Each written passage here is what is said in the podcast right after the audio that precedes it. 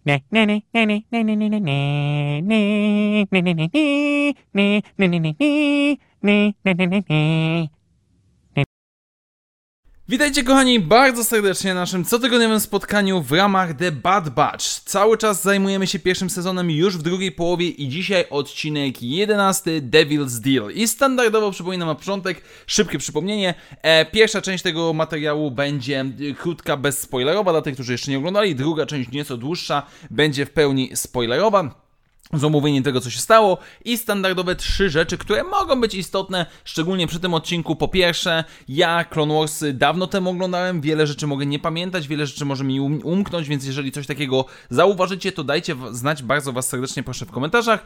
Po drugie, jeżeli będziecie pisać spoilery, a szczególnie w związku z jednym wątkiem, który tu się pojawia, powiedzmy głównym wątkiem, um, to o, wykropkujcie je, czy to na YouTubie, czy to na Facebooku, żeby nikt się ewentualnie nie, na nie nie naciął. No i po trzecie, co niezwykle mnie cieszy, już prawie w ogóle nie muszę przypominać i nie ma nic takiego, bardzo serdecznie proszę Was o kulturę osobistą w komentarzach, o dyskusję kulturalną, ale tak jak co tydzień na szczęście mogę powiedzieć, że zachowujecie się absolutnie rewelacyjnie, za co Wam bardzo dziękuję. Tak więc e, przejdźmy do części bezspoilerowej, Devil's Deal, a, czyli umowa, kontrakt z diabłem, jeżeli tak to możemy przetłumaczyć. Dostajemy, um, powiedzmy, spin-off tak, spin-off jednoodcinkowy, zobaczymy czy to się rozwinie bardziej. Jednoodcinkowy spin-off.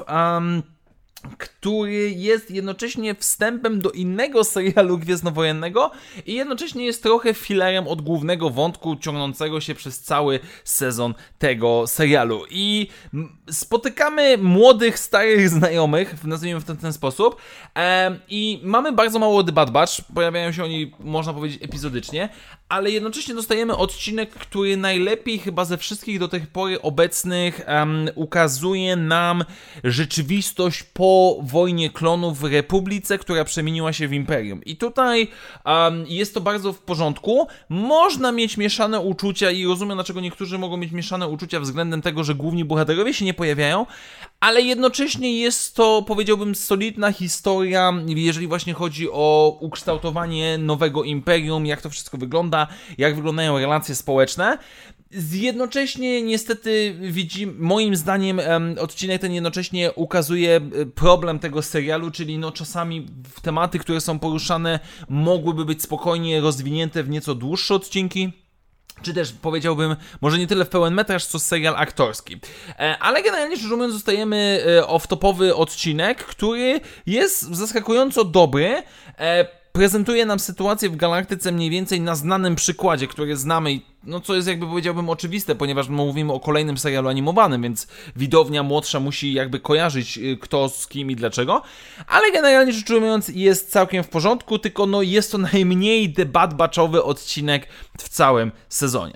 Dobrze moi drodzy, tak więc teraz przejdźmy oczywiście do omawiania tego wszystkiego co się dzieje, tego co się działo na Rylow, tego co się działo z rodzicami Harry, z Herą i tak dalej i zacznijmy od podstawowej rzeczy, ponieważ tutaj pewnie będzie dużo dyskusji mm, w internecie, mianowicie śmierć, domniemana śmierć Orn Freta, czyli senatora spasionego niebieskiego twilekańskiego senatora, którego znamy z filmów chociażby, e, czy też z Clone Warsów oczywiście. On żyje. Znaczy się e, to, że mógł, mieliśmy tutaj prawie do czynienia z retconem, e, ponieważ on pojawia się w książce Lordowie Sithów, um, która dzieje się kilka, kilkanaście lat po tym odcinku serialu, więc tutaj byłby poważny, poważny retcon, ale on moim zdaniem jak najbardziej żyje. Po pierwsze nie dostał strzału bezpośrednio w głowę, dostał włączenie między leku a głową, co no może się na nim odbić traumatycznie, emocjonalnie, bo wiemy, że um, Twi'lekowie korzystają z leku na zasadzie jakby percepcji świata. Natomiast e, z drugiej strony, e, kiedy zostaje on odwożony przez dwa klony, w pewnym momencie widać, że on się rusza. Więc jak dla mnie nie mamy tutaj do czynienia z retconem, e, tylko mamy do czynienia po prostu z ustawką, którą zrobił nasz admirał Rampart po to, żeby wykopać Syndule starego, czy też powiedzmy ojca z Harry Synduli z tej sytuacji, no i pokazać tak naprawdę jak działa Imperium. Generalnie rzecz ujmując, Um, jestem zaskoczony, bo nie spodziewałem się aż tak off-topowego odcinka. Znaczy, to nie jest off-top, ale taki spin-off, tak jak mówiłem wcześniej, e, gdzie The Blood Batch są praktycznie epizodycznymi bohaterami i, i prawie ich w ogóle nie ma. Ale to jest dobre, e, bo w końcu dostajemy historię z perspektywy cywili, z perspektywy byłych żołnierzy, zarówno klonów, jak i nie klonów, walczących podczas wojen klonów. Jak to wszystko wygląda, jak to wszystko funkcjonuje. Z rewelacyjnym wątkiem relacji między klony, dokładnie kapitan Hauser i e, Syndulowie, gdzie on, no dobrze, jest wierny rozkazom i tak dalej, ale pamięta te czasy, jak walczył z Syndulą i tak dalej. W sumie, jeżeli możecie, to napiszcie mi w komentarzach, czy Hauser pojawiał się w Clone Warsach, bo autentycznie nie pamiętam. Um, też oczywiście standardowo ten odcinek jest przepiękny. Moment, kiedy Hera kładzie się na początku na ziemi i i patrzy w niebo i wyobraża sobie, że lata jest przepięknie wyciągnięty moim zdaniem z pełnoprawnej animacji, z jakiegoś filmu animowanego, kinowego i tak dalej i to byłoby rewelacyjne. Tylko mam kilka drobnych uwag technicznych. Po pierwsze, jeżeli chodzi o Herę, e, w sumie ona wiekiem się zgadza. Ona tutaj ma te 14-15 mniej więcej lat, więc zakładając, że tam 10-15 lat później dołączy do, będzie latała jako ekipa Ghosta, no to ma to około tej 30, może trochę więcej. E, więc to jest jak najbardziej w porządku. Tylko sposób, w jaki jest ukazana jej fascynacja do latania jest dla mnie trochę zbyt infantylny. E, znaczy się, mam problem z tym, że ona no, prawie tyle co nic nie latała, znaczy się latała tylko pomiędzy lądowaniem a startem, no co jest dużo, ale najtrudniejsze części jeszcze nie zaliczyła. Um, I strasznie to opisuje tak bardzo emocjonalnie, że połowa latania to przyrządy, ale druga połowa to wyczucie, uczucia i tak dalej, co no i rozumiem, że to się wiąże z jej przyszłością, tak, z tym, kim ona będzie w przyszłości i tak dalej, jak się zmieni, ale nie za bardzo mi to podchodzi, to jest strasznie infantylne, bym powiedział. Um, jednocześnie również jednak mamy tutaj o wiele bardziej mi się podobał cały wątek Chama Synduli, jego żony, e, tej, tej takiej właśnie relacji, no bo kiedy wojna się kończy, czy nie możemy się cieszyć pokojem, czy rzeczywiście możemy, e, całe ukazanie tego Rylow jako tych takich buntowników, którzy nawet, okej, okay, dobra, Republika, jesteśmy z wami, ale my jesteśmy samodzielni w pewien sposób, co jest kontynuowane aż po, po epizodzie szóstym, kiedy w Nowej Republice, przypomnijmy, E, Rajlow nie był bezpośrednio w Republice, tylko był powiedzmy e, planetą, czy też systemem sąsiadującym z Republiką, współpracującym, ale trzymającym się na e, osobno, że tak powiem. Generalnie cały odcinek jest dobry właśnie pod kątem tego pokazania większej galaktyki, jak to właściwie wygląda. Zastanawia mnie tylko, czy to jest początek, nazwijmy to jakiegoś arku historycznego. Z tego względu się zastanawiam, czy na przykład teraz Hera nie skontaktuje się z The Bad Batch w jakiś sposób, żeby jej pomogli, coś takiego, e, żeby uwolnić Chama Syndule, no i żeby Cham Syndula zruszył z kolejną kampanią w Afganistanie e, przez kolejne 15-20 lat. Ciężko jest mi powiedzieć, zobaczymy, w którą stronę zmierza.